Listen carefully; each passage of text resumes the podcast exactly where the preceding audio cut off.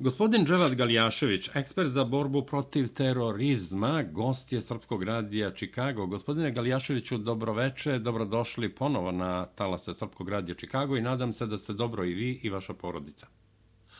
Dobroveče, želim sve najbolje i vama i vašim slušalcima. Hvala vam na pozivu. Gospodine Galjaševiću, Samit Brdo Brioni o proširenju Evropske unije na zemlje Zapadnog Balkana – Bilo je, što bi rekao naš narod, čupavo, bilo je iskri, varnica i tako dalje. Ono oko čega se inače u Srbiji mnogo govori, to je takozvana država Kosovo. Na ovom samitu Brdo Brioni bila je prisutna i Vjosa Osmani. Ona je, čini mi se, predsjednica takozvane države Kosovo. Pa molim vas za komentar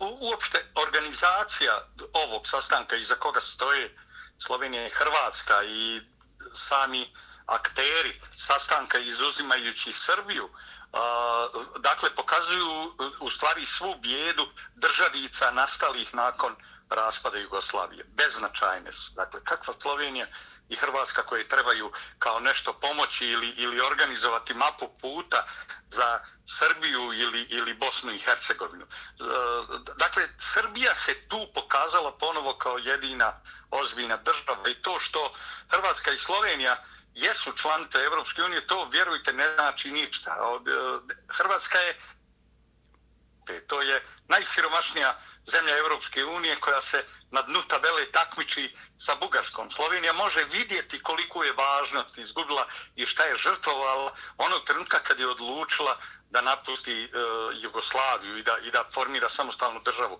Dakle, i narodi, nažalost, i te državne zajednice, pogledajte Makedoniju e, sa svim premenitim problemima koje ona ima, pogledajte tu crnu tačku E, evropske i zapadne uopšte politike koja se zove Kosovo, kao, koja je u stvari obični centar organizovanog kriminala, terorizma, trgovine drogama i, i trgovine ljudima. Dakle, to ni u kom slučaju nije nikakva država. Kad pogledamo uh, inicijativu vezano za zača koji je predsjednik Srbije, Aleksandar Vučić, pokrenuo, možete on vidjeti šta mi možemo očekivati u takvom okruženju uopšte.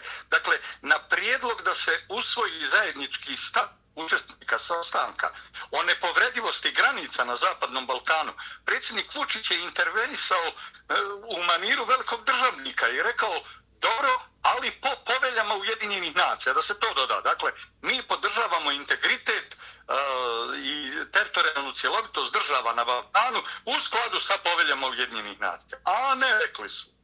I to je izbačeno iz teksta i na kraju su morali usaglašavati neko, neko saopštenje koje je besmisleno, koje u stvari ništa ne govori, koje samo pokazuje nekakvu dobru volju da se krećemo u pravcu Evropske unije. Drugi, ja bih rekao, to je bio strašan državnički potez. A šta je u stvari kriterij državnosti, kriterij njenog teritorijalnog integriteta ako nije Dakle, ako ujedine nacije nisu mjera toga kao zajednička organizacija svih država svijeta, Dakle, um, s druge strane, predsjednik Vučić je imao također još, još, jednu, još jednu zanimljivu, uh, zanimljivu stvar. On je rekao otvoreno da Srbija neće nikada biti primljena u Evropsku uniju, da on ne vidi tu dobru volju. Pazite, kada državnik kaže takvu stvar, uh, vi u stvari šaljete poruku Sloveniji i Hrvatskoj, pa ne treba nam ništa od vas, ne morate vi zalagati se za nas, urgirati, a nećete, Boga mi, ni iznositi nam zahtjeve.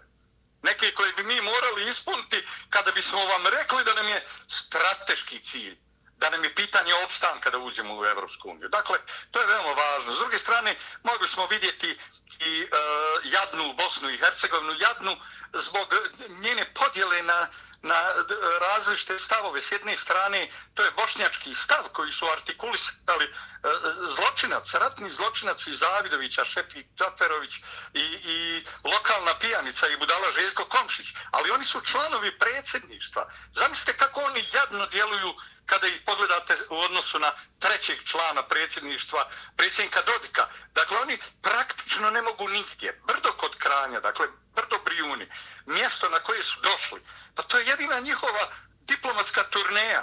Oni nikad nigdje nisu primljeni. Nigdje ne mogu otići. Možda bi mogli biti primljeni od muslimanskog bratstva, od Al-Qaide, od rukovodstva islamske države. Ali ni jedna država ne prima ni Džatprevića, ni Komšića. Ne žele da ga vide. Dakle, vidjeli smo da predsjednik Dodik komunicira sa predsjednikom Kine, sa predsjednikom Putinom, da svake godine gotovo predsjednik Putina određen način ili primi ili ugosti ili se susretnu ili budu na istim skupovima viđeni zajedno. Dakle, vidjeli smo da predsjednik Vučić u stvari gdje god se kreće, sva su mu vrata država otvorena.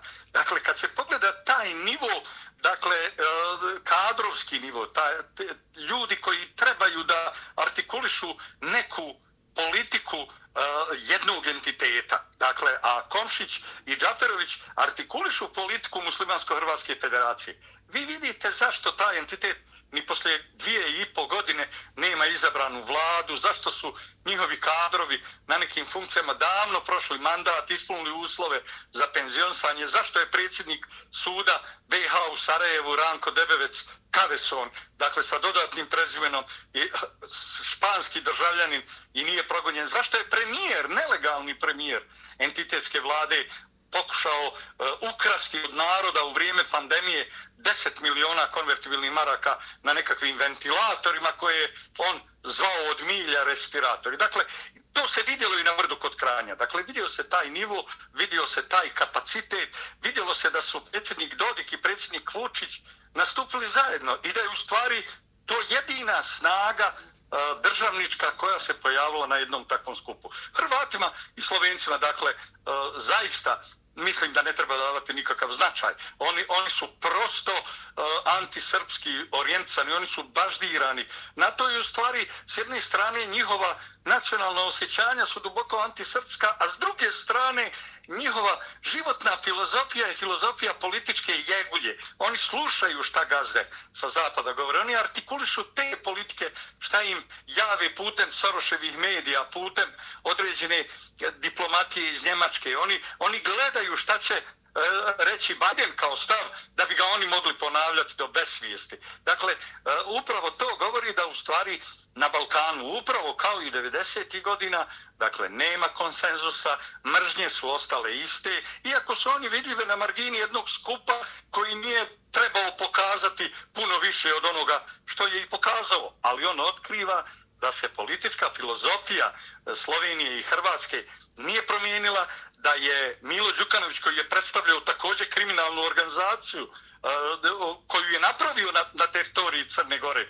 Dakle, da je i on tamo grlio se sa e, uh, Josom Osmani, da je držao stranu uh, šiptarskim teroristima na tom skupu, u stvari pokazujući time da ono što čini bratstvo uh, Kosova i Miline Crne Gore, pa dakle to u stvari jeste mafijaško bratstvo. Oni su zajedno u toj trgovini narkoticima, heroinima, kokainima, e, opijumom, oni trguju ljudima, oni trguju, dakle, e, i, i njihove, da oni su od država napravili centre organizovanog kriminala. Dakle, sa takvim ljudima vi ne možete govoriti o državnoj perspektivi, računati na njihovu saradnju. Dakle, zato, zato ta priča je besmislena.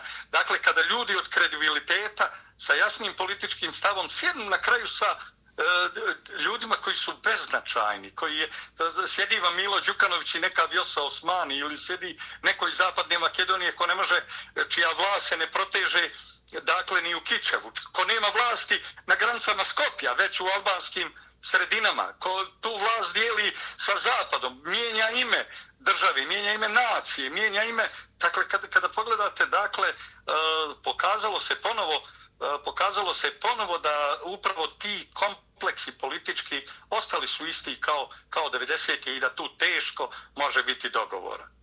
Da, gospodine Galijaševiću, govorit ćemo i o Makedoniji, o izjavi predsjednika vlade Severne Makedonije Zorana Zajeva kad su u pitanju odnosi Severne Makedonije i Bugarske. Međutim, da konstatujemo dakle, da je Aleksandar Vučić na samitu Brdo Brioni uložio amandman na zaključak i Srbija je samo za granice utvrđene odlukama Ujedinjenih nacija. Nije prošla ta, rekao bih, sakrivena bomba da se na da. ovom samitu usvoji od strane Srbije da je takozvana država Kosovo nezavisna i da je Srbija na neki način priznaje. Tačno, Tačno, to je bilo, dakle, upravo taj državnički potez, predsjednik Vučić je uočio tu podbalu u Zaksima, mi podržavamo jedni drugima teritorijalni integritet, ili vi u stvari u Srbiji podržavate odcijepljenje Kosova. Vi, oni šalju porku s jedne strane, dakle, odgovaraju na Dodikove apele da se Bosna i Hercegovina vrati mirnom sporazumijevanju zasnovanom na Dejtonskim osnovama, na osnovama Dejtonskog sporazuma, da se mirno narodi i entiteti dogovore o e, funkcionisanju te države ili da se mirno raziđu. Sada je taj kukavički odgovor u stvari upravo to bio. Dakle, upravo je predsjednik Vučić amandman, ali u skladu sa odlukama i poveljama Ujedinjenih nacija. I sami ste da to nije prošlo to je besmisleno, u stvari pokazuje s kakvim ljudima u stvari tamo sjedilo i navodno trebalo da dogovara, da se dogovara nekakav evropski put i evropska budućnost. Dakle, oni, uh, oni će taj evropski put Srbije ometati koliko god oni će ga ucinjivati. Upravo će oni biti smetnja. Vjerujte, neće protiv ulaska Srbije u Evropsku uniju biti ni Mađarska, neće biti ni Bugarska, ni Grčka, ni Češka, ni Slovačka, e, ne, a bit će Hrvatska i Slovenija. Upravo će oni fakturisati neke svoje interese i pokušati ih kroz bilateralne odnose razriješiti upravo pod e, prijetnjom e, pod ucijenom, pod prijetnjama da će blokirati taj put i tako dalje. U ostalom, sjediti sa Hrvatskom i Slovenijom koji ne mogu dogovorno, dakle dvije evropske navodno zemlje, dakle time su, trebali bi biti daleko iz nas, uh, one su članice Evropske unije, a ne mogu se dogovoriti o Piranskom zalivu. Ne mogu se dogovoriti o tome, o kredibilitetu suda koji će voditi postupak i koji je već vodio postupak i da je određenu presudu. Igraju obavještajne igre jedni drugima. Dakle, mi imamo posla sa malim, sa malim ljudima, zato nije ni čudo što, što ovaj Srbija uh, danas u stvari potpuno štrči u ovom delu Balkana kao, kao izgrađena država, kao lokomotiva, kažemo zapadnog Balkana, to je besmislena ovaj floskula ovako koja je došla nam sa zapada, podmetnuto ovo je srce Balkana, ovo je njegov centar geografski, eh, dakle taj pojam zapadni Balkan je, je besmislen, eh, ali, ali eto, eh, dakle, Srbija se ovdje pokazuje jedina kao izgrađena stabilna država i svi pokušavaju Srbiji u stvari da kažu ajde vi budite lokomotiva, povucite te propale državne projekte za sobom mini Schengene u nekakve asocijacije po ugledu na Višegradsku grupu, dole Poljsku, Češku, Slovačku, Bugarsku, Rumuniju i Mađarsku, koji su zajedno ulazile praktično u Evropsku uniju. Dakle, hajde i vi tako da Srbija povuče sve ove zemlje za sobom. To je naravno, to je naravno ovaj, besmislena. Srbija je dugo bila talac ovakvih propalih velikih ambicija malih državica. I vrijeme je da, da zajedno sebe i to je predsjednik Vučić, e, a čini mi se podržan dobikom, dakle podržan polovinom Bosne i Hercegovine, on, onom polovinom koju čini e, Republika Srpska, dakle podržan u stvari se da njih dvojica, iako sjede naspram toliko neprijatelja, dakle, ja bih rekao da e, pokazuju veću političku snagu i državničku moć nego sve ti, svi ti udruženi politički pigmeji u regionu.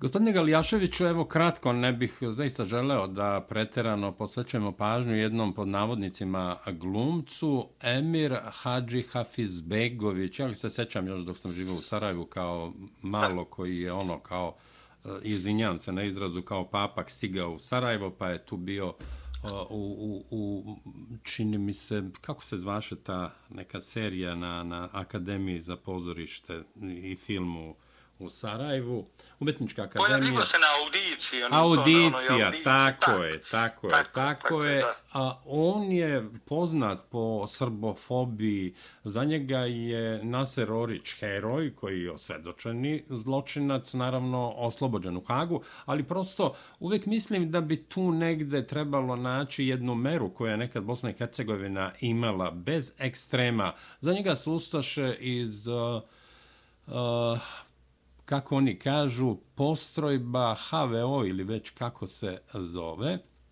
Za njega su to plemenite postrojbe, a Srbi su pod navodnicima genocidni, pa evo u vezi sa crnogorskom nezavisnošću koja se obeležava sutra, čini mi se 21. Eh, maja, 15. godišnjica od referendumske krađe i stvaranja privatne države Mila Đukanovića oglasio se i ovaj ja moram da kažem pod navodnicima glumac bez obzira što je nastupao i glumio u velikom broju filmova, serija i pozorišta, a rado je viđen gosti u Crnoj Gori što nije nejasno, ali rado viđen gosti u Beogradu i iz Beograda pljuje po srpskom narodu, ali i po svima drugima koji mu nisu povoljni.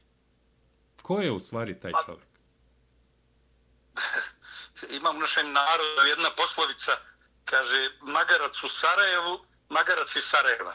Dakle, to što on došao iz Tuzle, kakav je došao, takav je i sada, kada, kada ide iz Sarajeva. Dakle, uh, on je uh, upravo tako, on je glumac i u životu i u politici, pripadnik stranke demokratske akcije, radikalne stranke.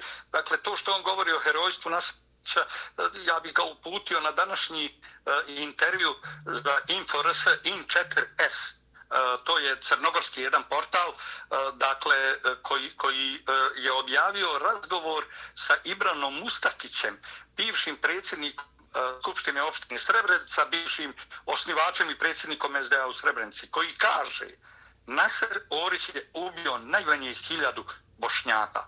Dakle, da sam mu ja sudio, ja bih mu 20 godina dao za ubijene Srbe, a za ubijene bošnjake bi mu dao tri doživotni robije. Dakle, ko pogleda taj intervju vidjet će kako se otkrive šta se u stvari dešavalo u toj Srebrenici, e, koju su težinu imali ti međusobni obračuni i šta je o tome. To naravno ovaj e, papak e, dakle, naravno da ne, niti, niti želi da razumije, niti želi da, da izgovori, niti zna šta to znači. Dakle, njegovi veličanje Mile Đukanovca, posljednjeg kuma, dakle, u politici. To je posljednji kriminalni bos u politici. Pa na Kosovu su sklonili i Tačija i Haradinaja. Dakle, mi sad imamo samo jednu kuma, dakle, to je Milo Đukanović. To nije, e, ta Crna Gora koju on gradio je u stvari kumstvo, to je mafijaško kumstvo, a ne, ne država. I sada tek, ja vjerujem da vide srpske politike stranke koje praktično dominiraju u, u e, parlamentu Crne Gore, u, u, u Skupštini Crne Gore, dakle, vide u stvari šta je nasljeđe Mile Đukanovića. Nasljeđe nije državnost Crne Gore, nego najveća sramota izdaja Kosova, izdaja Srbije, približavanje Albancima, eh, Hrvatima. Dakle, pogledajte čak i Hrvatsku kad pogledate. Pogledajte, dakle, Crnu Goru. Eh, pogledajte tog Emira Hadžihafizbegovića. Šta on ima sa, sa šitarima? Šta oni sve skupa imaju sa, sa Albancima na Kosovu zajedničko? Šta osim srbomržnje, dakle osim srbofobije, osim jedne patološke mržnje, dakle prema Srbima do te mjere da kaže da su justaške jedince nekakav kvalitet. To je besmisleno. E, I to je, dakle, ta priča o, o, koja se dolazi e, kroz te kulturno-umjetničke krugove, e, koja se pojavljuje preko Jasmile, koju u Sarajevu zovu Jaslina, Žbanić, preko Emira Hadži Hafiz, dakle, preko nekih uh, ljudi beznačajni, dakle, koji su svoju svoju karijeru upravo gradili paralelno i politički i, i kroz glumački nikada se nisu ostvarili. On je bio ministar obrazovanja u kantonu Sarajevo. Dakle, on je bio politički aktivan i tako dalje. Niti je nešto napravio kao ministar. Kao glumac ima određene uloge, ali one, dakle, njegova veličina u okviru bošnjačkog korpusa nije u snazi njegove imaginacije i glume, nego u odsustvu kvaliteta. Bošnjački narod je izgubio svoj i kvalitet, i režiserski, i glumački, i umjetnički. Nemate vi ni jedan kvalitetan film snimljen od 90-ih do danas u ovom dijelu, bez obzira što je Ničija zemlja dobio Oscara. Vi znate da je on e, e, scenografski, scenarijski, dakle, e, svim, da je skroman film, film skromnih i dometa i skromne priče, scenografije skromne i tako dalje. Nemate ni jednu knjigu napisanu čestitu, nemate ni jednu pjesmu napisanu čestitu. Dakle, a tako je e, ovo dramatično vrijeme bilo ovih 30 godina, tri decenije, da je inspiracije nije manjkalo. Dakle, zašto takvi e, ludaci i fanatici poput e, Emira Hadžhafiz Begovića ne bi, ne bi ovaj pokazali e, bilo šta, osim što ovo pokazuju mržnju, on nerazumijevanje ima, dakle, ali njegove riječi odjekuju u tom E, nacionalističko-šovinističkom prostoru onog dijela Bosne i Hercegovine, dakle koji, je, koji smo do juče razumijeli kao e, centar za mobilizaciju ustaških snaga, Handžar divizija i tako dalje.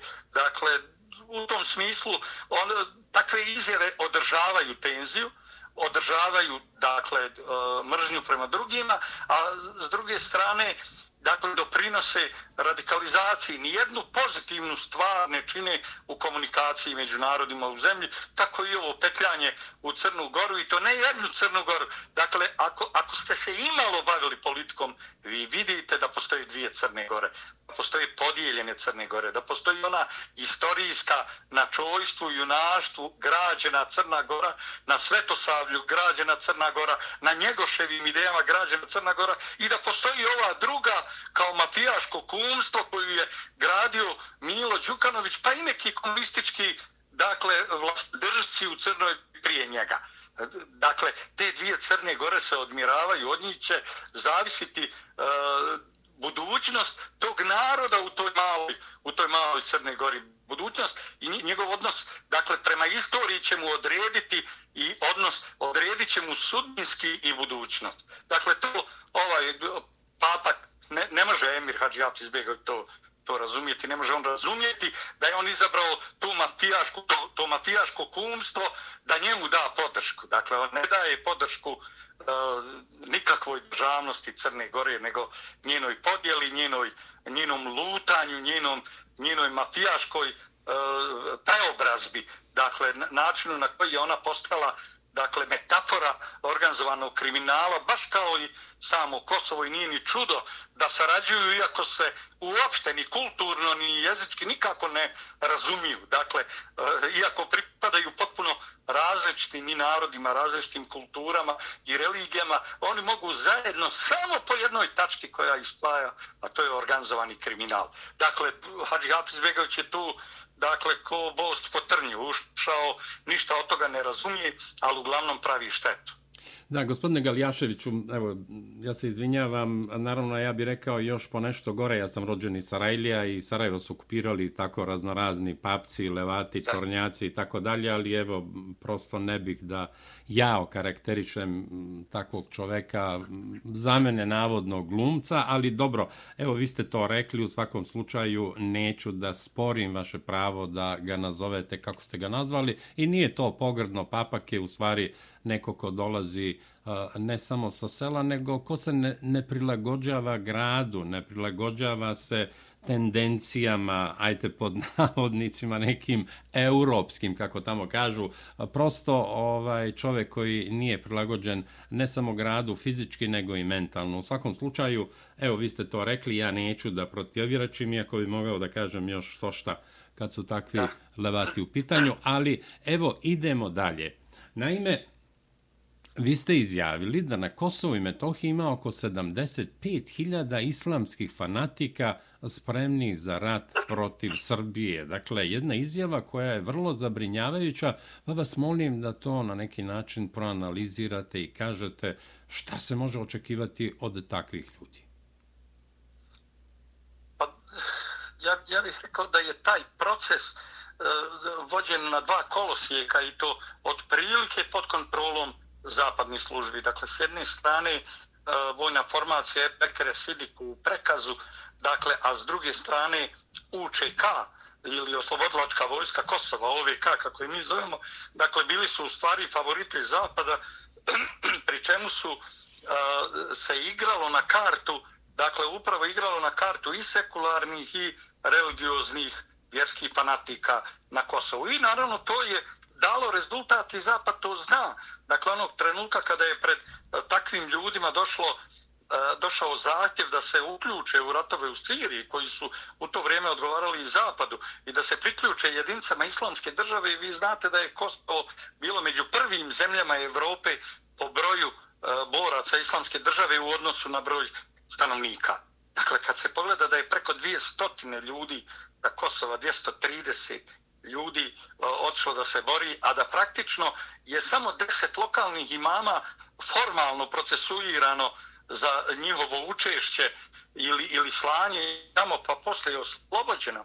Dakle, da niko nije odgovarao i vidite da se taj povratak dešava. E, vidite i događaje u Austriji, dakle, način na koji su albanski, šta, su, šta je albanski terorista e, radio u, u Beču. Dakle, sve to pokazuje, sve to trebalo biti signal zapadu, da u stvari ovo što rade na Kosovu, u stvari predstavlja njima problem. Danas, dakle, sa tim jezgrom zasnovanim na ratovima protiv Jugoslavije i Srbije, iz 90. godina na tom jezgru, dakle, izrađena je čitava jedna teroristička infrastruktura koja je bila ne samo vojno-politička struktura, nego je bila i misionarska u vjerskom smislu. Oni su kroz razne takozvane nevladne organizacije iz Katara, Saudijske Arabije, pa e, djelimično iz Turske, ovaj, e, učestvovali u širenju te vrste radikalnog islama. U pozadini e, iza su stojali uvijek pripadnici muslimanskog bratstva, da s jedne strane Al-Qaide i islamske države sa druge strane. Dakle, praktično povratak sa sirijskog ratišta i dolazak ljudi koji ne mogu da se vrate u svoju zemlju, zatim e, poznati migranski talas koji je kretao upravo je e, stvarao dodatnu mobilizacijsku moć tih snaga dakle na samom Kosovu. E, zašto Zapadu treba, to je ključno pitanje, zašto Zapadu treba toliki broj radikalnih islamista na Kosovu, zašto noću se transportuju preko Albanije, zašto dolaze na Kosovo, dakle iz Albanije ili E, prolaze e, pored Makedonije ili prolaze ispod e, prokletija tunelom vojne snage, određene vojne efektive koje ojačavaju i bond stil i tako dalje. Bond stil je banka heroina, dakle ona je u stvari pra, praktično kontrolor heroina, ali mi sada vidimo da se u, stvar, u svijetu dinamika konflikta diže na potpuno jedan novi nivo i u tom smislu i posmatramo ovoliki broj. Dakle, to je 5 do 6 posto ukupnog stanovništva na Kosovu.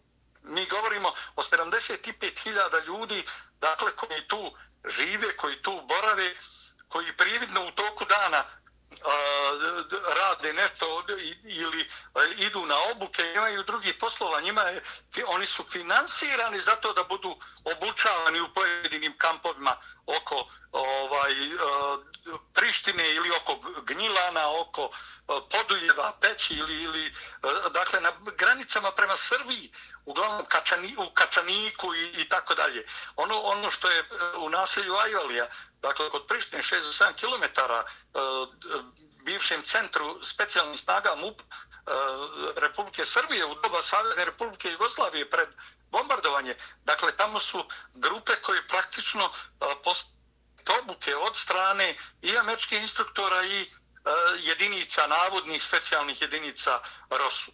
Dakle, kad se to vidi, ne samo broj, nego i način na koji oni u ovom trenutku dobivaju oružje, na koji su e, naoružani, na koji su e, organizovani, pripremljeni, na koji se obučavaju za rat. U stvari postavlja otvoreno pitanje pa ko je njihova meta ako ne Srbi kao narod, srpski spomenici kulture, koji su ostali na tim područjima poput Visokih Dečana, poput uh, Gračance, poput, dakle, kad se pogledaju sve te pečke patrijaršije i tako dalje, kad se pogledaju sve te, e, svi ti tragovi srpske kulture stari i po hiljadu godina na tom području, onda se vidi da u stvari e, nije dovoljno otjerati jedan narod, protjerati ga dakle u Srbiju, e, nego treba i spomenike kulture kao svjedočanstva, boravka tog naroda na tom prostoru, izgradnje tog prostora treba uništiti, ukinuti, spaliti, sramti sa zemljom. Dakle, u tom smislu ovo, ovi, ovi fanatici šalju opasnu poruku, zapadna politika šalje opasnu poruku, zašto ih dakle, ne samo toleriše, nego zašto ih usmjerava na ovaj način i vojno-politički osposobljava. Dakle, zašto sa njihovim zanjem, njihovi instruktori, dakle, dolaze, zašto oružje dolazi na taj način, šta je u stvari krajnji krajnji cilj. Dakle, ima hiljadu razloga za zabrinutost. E, naravno, Kosovo nije država da biste vi mogli e, sa, sa nečim što je napravljeno na silu E, kao posljedica brutalnog razaranja države, uvijanja preko 3000 ljudi, e, u, u Srbiji, Saveznoj Republici Jugoslaviji, praktično 99. Dakle, nešto što je na taj način napravljeno nije ni moglo biti nešto bolje nego što je danas, ali danas već ta prijetnja postaje ozbiljnija. Da, gospodine Galijaševiću, vi ste u jednom intervju između ostalog rekli da je uznemirujuća opomena za celu Evropu. Oprostite, ono što se desilo 2. novembra prošle godine, kada su ulice Beča bile poprište terorističkog islamskog napada samoubilački pohod u kojem je ubijeno pet osoba, a ranjeno 23. Izvaje Kujtim Fejzulaj, radikalni islamista makedonsko-albanskog porekla. Ovaj slučaj otvorio je javnu polemiku o potrebi da se efikasnije deluje i spreči regrutacija novih islamskih ratnika. Fejzulaj je godinu dana u oči napada pušten iz zatvora. Bio je simpatizer islamske države, osuđen je na 22 meseca zatvora, pušten u decembru 2019. i tada se smatralo da nije sposoban da izvrši smrtonosni teroristički islamski napad. Pa to jeste to. On je dakle, po zadatku radio to što je trebalo. E, u to vrijeme je trebalo destabilizirati Evropu, destabiliz destabilizacija kreće uvijek od Austrije, Njemačke, Francuske. Dakle, uvijek udarate na te tačke na kojima možete e, dovesti određenog izvršioca djela. Ekin Kekin je u stvari e, i doveden da uradi to što je uradio i praktično njegovo oslobađanje, a da prijetodno niste našli ni pomagače, niti nekog drugog koji je izvršio to, Dakle, iako su e, na, na kamerama video nadzora vidljiva ovi još četiri lica, svi su bili isto obučeni u bijele odjece. Dakle, sve je to bilo e, očito organizovano sa nivoa određenih specijalnih snaga, nekih, nekih specijalnih jedinica, dakle, a ne e, nekog pojedinca. Dakle, i za napada, terorističkog napada u Austriji, kao i za bilo kog drugog napada, nikada ne stoji ta priča o usamljenim vukovim pojedincima. Dakle, terorizam je organizovano međunarodno krivično djelo. Organizovano jer njega organizuje određena vrsta organizacije, bilo da je vojno-politička, bilo da je uh, klasična teroristička, dakle, uh, ali uvijek u pozadini ta organizacija ima jasne političke ciljeve ili geopolitičke interese. I uvijek je svaki čin terorizma, dakle, nije tek puko izazivanje straha kod uh, građana, nego izazivanje straha kod E, vlada koje donose određene odluke, prisiljavanje vlada da donosi nepopularne mjere i da e, odlučivanje vlade bude u jednom, e, ja bih rekao, potpuno teškom, otežanom u uslovima, otežanim uslovima, otežanoj situaciji gdje vi ne možete racionalno promišljati i donositi kvalitetne odluke u momentu kada vam ljudi u centru Beča dakle, budu ubijani. Dakle, sama ova činjenica da je da je, e, kako se završila ta priča oko njega, njegovo oslobađanje i tako dalje, govori koliki je značaj dakle, terorizma kao organizovanog, organizovanog međunarodnog krivičnog djela. Nažalost, u zadnje vrijeme terorističke organizacije su kao da su radari isključeni iznad njih. E, oni su nastavili da se reorganizuju, oni su nastavili čire E, radikalne ideologije. U stvari, najvažnija činjenica e, ono što motiviše samog izvršioca terorističkog akta jeste njegovo čvrsto uvjerenje da to od njega očekuje njegova vjera, njegov narod i njegov Bog. Dakle, kada ubijedite nekoga da će takvim gnusnim činom dobiti Božiju nagradu, dakle, kada to uspije vam poći za rukom, vi ste dobili, dakle, vojnika, fanatika, koga ne morate ni plaćati puno ni ništa, jer on će to raditi iz svoje prirode koju ste vi u stvari stvorili svoj, e, e, prenošenjem određene vrste i određenog načina odnosa prema njegovim religijskim postavkama, uvjerenjima, dakle i uopšte prema vjeri. Dakle, upravo na ovaj način e, i treba posmatrati da, takve događaje. Dakle, terorizam nema divizije, terorizam nema korpuse, terorizam ne pravi velike brigade. Dva fanatika na istom zadatku su vojna formacija. Dakle, samo dva čovjeka Ako su zajedno na istom zadatku, vi ih morate tretirati kao vojnu formaciju. Dakle, kao formaciju sposobnu da, da ubije desetine ljudi i da napravi dakle, zlo od koga se pojedine države ne oporave dugo. Ako pogledate događaj u Americi, zamislite kad bi vam neko rekao da će 19 ljudi skromnog obrazovanja, ali ideološki fanatizmi u okviru radikalnog islama, da će tih 19 ljudi osramotiti Ameriku, srušiti svjetski trgovinski centar, ubiti 3600 ljudi, e, Pentagon, dakle, i da će imati ambiciju da baci i da se zabije u bilu kuću i tako dalje, ili u kongres. Dakle, kada vidite to, dakle, onda znate da su mogućnosti, operativne mogućnosti terorista, kada raspolažu sa vojnicima fanatizovanim i dovoljno obučenim, njihove su mogućnosti ogromne. Dakle, na ovaj način, evo sada vidimo, neko je tamo uradio, e, e, u prvi sumrak je ubijao ljude po ulicama Beča i posle toga je oslobođen.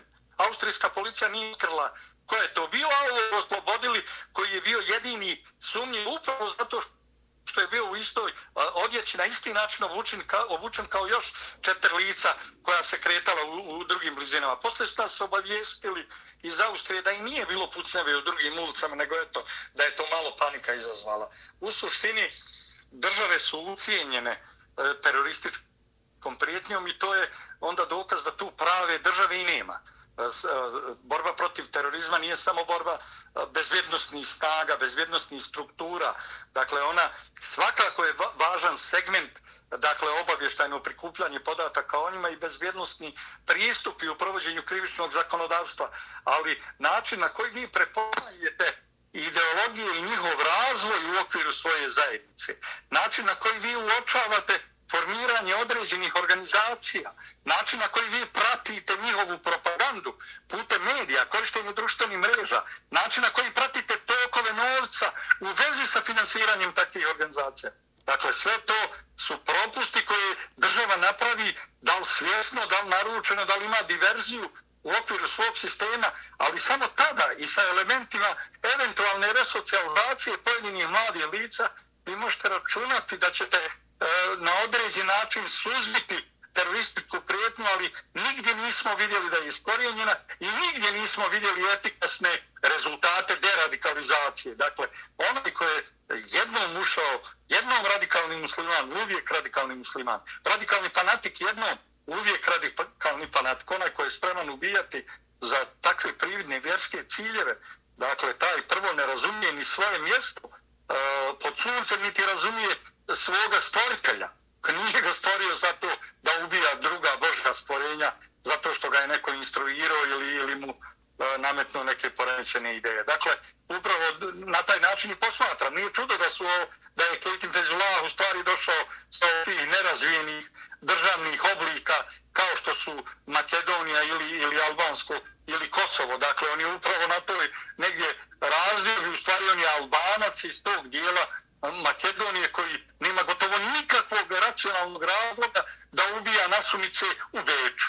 Dakle, da. to je, to je Da, pot, potpuno razumem. Kad već pominjete Makedoniju, voleo bi da prokomentarišete, evo, pri kraju smo našeg današnjeg razgovora, na ime u pokušaju da bivšem bugarskom kolegi Bojku Borisov ukaže na svu absurdnost stava Sofije o makedonskom identitetu, premijer Makedonije ili Severne Makedonije, Zoran Zaev, upitao je Borisova kako je moguće da su samo Makedonci nastali od Bugara.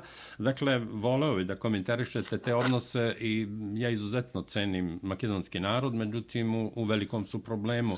Naime, Zajev je na jutrošnjem briefingu rekao da ga je Borisov ranije pitao kako tumači to o makedonskim korenima, a on mu je rekao da odgovorno tvrdi da je u nauci poznato da su ljudi postali od majmuna, a da religija propoveda da smo potomci Adama i Eve. A kako to da su samo makedonci postali od Bugara i obrnuto u celom svetu, upitao je Zajev Borisova. Zajev je ponovio da je problem sa Bugarskom smiješan. Pa molim vas za komentar.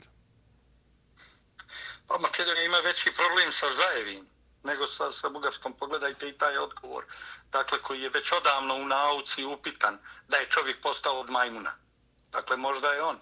se razvijao, dakle, ali ta teorija e, evolucije je već odavno e, u naučnim krugovima, dakle, osporena e, praćenjem praktično DNK, praćenjem genealoških istraživanja i tako dalje. On to, naravno, očito ne razumije. Dakle, jasno je da Makedonija mora pamtiti zlatno vrijeme srpskog kišobrana nad svojom glavom. Dakle, to je period posle Prvog svjetskog rata kada, kada je Srbija napaćena u ratu, u stvari taj vardarski dio Makedonije i djelimično manji dio Pirinske i tako dalje, pa, praktično e, kada je dala, darovala državnost, darovala im naciju. Dakle, e, kako su Makedonci vratili to Srbiji? Tako što su željeli da formiraju vlastu crkvu pod uticajem dakle iz Vatikana. I formirali su autokefalnu makedonsku crkvu koju Srpska pravoslavna crkva nije priznala nikada. S druge strane, e, ime Makedonci e, doveli su u pitanje e, kad je riječ o jeziku, kad je riječ o istoriji, pa prvo je Grčka dovela to u pitanje, pa su morali promijeniti naziv u Sjeverna Makedonija. Sada dolazimo do nacionalnog identiteta. Praktično Makedoncima ovaj crkva je Makedonska pravoslavna crkva je upitna, jezik makedonski i nacija su upitni i od strane grčke nacionalnost, od strane bugarske. Dakle, nema više srpskog kišobrana, onog koji I, je čuvao Dževade, jedino Srbija od... i srpski narod priznaju makedonsku naciju, makedonski jezik i nemaju apsolutno nikakav problem i državu, naravno. I državu, naravno, naravno. A oni su... Uh, učinili sve da odvoje crkvu od srpske pravoslavne crkve. Dakle, i tamo je bila sve, sve građevine tamo. Pa vi znate da su oni hapsili e, ovaj, one ljude koji su ostali lojalni srpskoj pravoslavnoj crkvi, da su tamo vladite, dakle, i episkopi hapšeni po Makedoniji. Znate da su boravili u zatvorima, da je intervenisalo za njih, da se borilo. Dakle, Makedonija nije baš e, zahvalila Srbiji za stvaranje makedonske države. Pa tu državu, kao socijalističku republiku, koja je posle odluku Madinterove komisije postala država, dakle, pa to je stvorila Srbija u Prvom svjetskom ratu. Srbiji, Srbija je i priznala i podržala i dan danas i priznaje i podržava dakle makedonsku inaciju i makedonsku državu i makedonski jezik i ni na koji način ne dovodi u pitanje taj makedonski identitet. Ali šta je odgovor iz Makedonije? To što će se Zajev grliti sa Vjosom Osmani, to što će priznati Kosovo. Pa kad priznate Kosovo, šta očekujete da, da vječito e, Srbija brine o, o vama, o vašim interesima. Dakle, Makedonija i Bosna i Hercegovina su e, objektivno nisu sposobni da budu na ovim temeljima države. Dakle, obzirom da svi praktično susjedi dode u pitanje opstojnost tih gotovo svi. Dakle, ako, ako izuzmemo Srbiju koja nema ni teritorijalnih aspiracija prema Makedoniji, niti negira bilo šta u, u smislu posebnosti. Ali Makedonija to mora cijeniti. Dakle, Zajev mora cijeniti kad mu Vojko Borisov kaže takvu stvar ili kad ga iz Grčke natjeraju da promijeni ime, da ukloni eh, Aleksandar Aleksandra Makedonskog, da promijeni naziv aerodroma, da naziv Makedonije promijeni u Sjeverna Makedonija. Dakle, onda trebate cijeniti onog ko od vas ne očekuje ništa, a sve vam je dao. Dakle, nažalost, Makedonija nije pozitivna odgovor. Makedonija ima isti problem kao i Srbija albanski separatisti, dakle u Makedoniji su jaki, oni nisu pokrenuli proces ocipljenja od Makedonije. Zašto? Pa zato što Kosovo nije završena priča. Zato što Srbija ne da da se stavi tačka na pitanje Kosova. Kad bi se stavila tačka na pitanje državnosti Kosova, a onda bi se mi suočili tek sa problemima do, do bara, do, do Ulcinja i bara u Crnoj Gori ili ovog, ove trećine Makedonije koju drže albanski separatisti. Dakle, tada bi oni vidjeli šta znači, dakle, Srbija njih još uvijek štiti, iako to oni ne znaju, iako nisu zahvalni zahvalni na tome. Dakle, praktično Makedonija, eh, Makedonija nema kapacitet u ovom momentu eh, da, da se odbrani od Grka i Bugara koji su u Evropskoj uniji, niti da zaštiti svoje državne interese koji su podijeljeni, a oni su prihvatili tu podjelu dakle, sa, sa albanskim faktorom dakle gdje su nekritički dodijelili mnoga ovlaštenja, dali, dakle čak e, sumirali i konstatovali određen broj stanovnika albanski na određenom području koji je netačan. Albanci ne učestvuju u popisima u Makedoniji kao što nisu u Jugoslaviji učestvovali, pa su time mnoge brojke u stvari netačno iskazane ili lažne brojke. Sve je to upereno protiv opstanka Makedonije. A daj Bože da u istoriji imaju ponovo jednu državu kakva, kakva je 1918. bila Srbija, pa da ih uzme u zaštitu sami, će se teško odbraniti. Gospodine Galijaševiću, hvala vam što ste bili gosta Srpkog radija Čikago. Hvala vama. Poštovani slušalci, gost Srpkog radija Čikago bio je naš prijatelj Dževad Galijašević, ekspert za borbu protiv terorizma.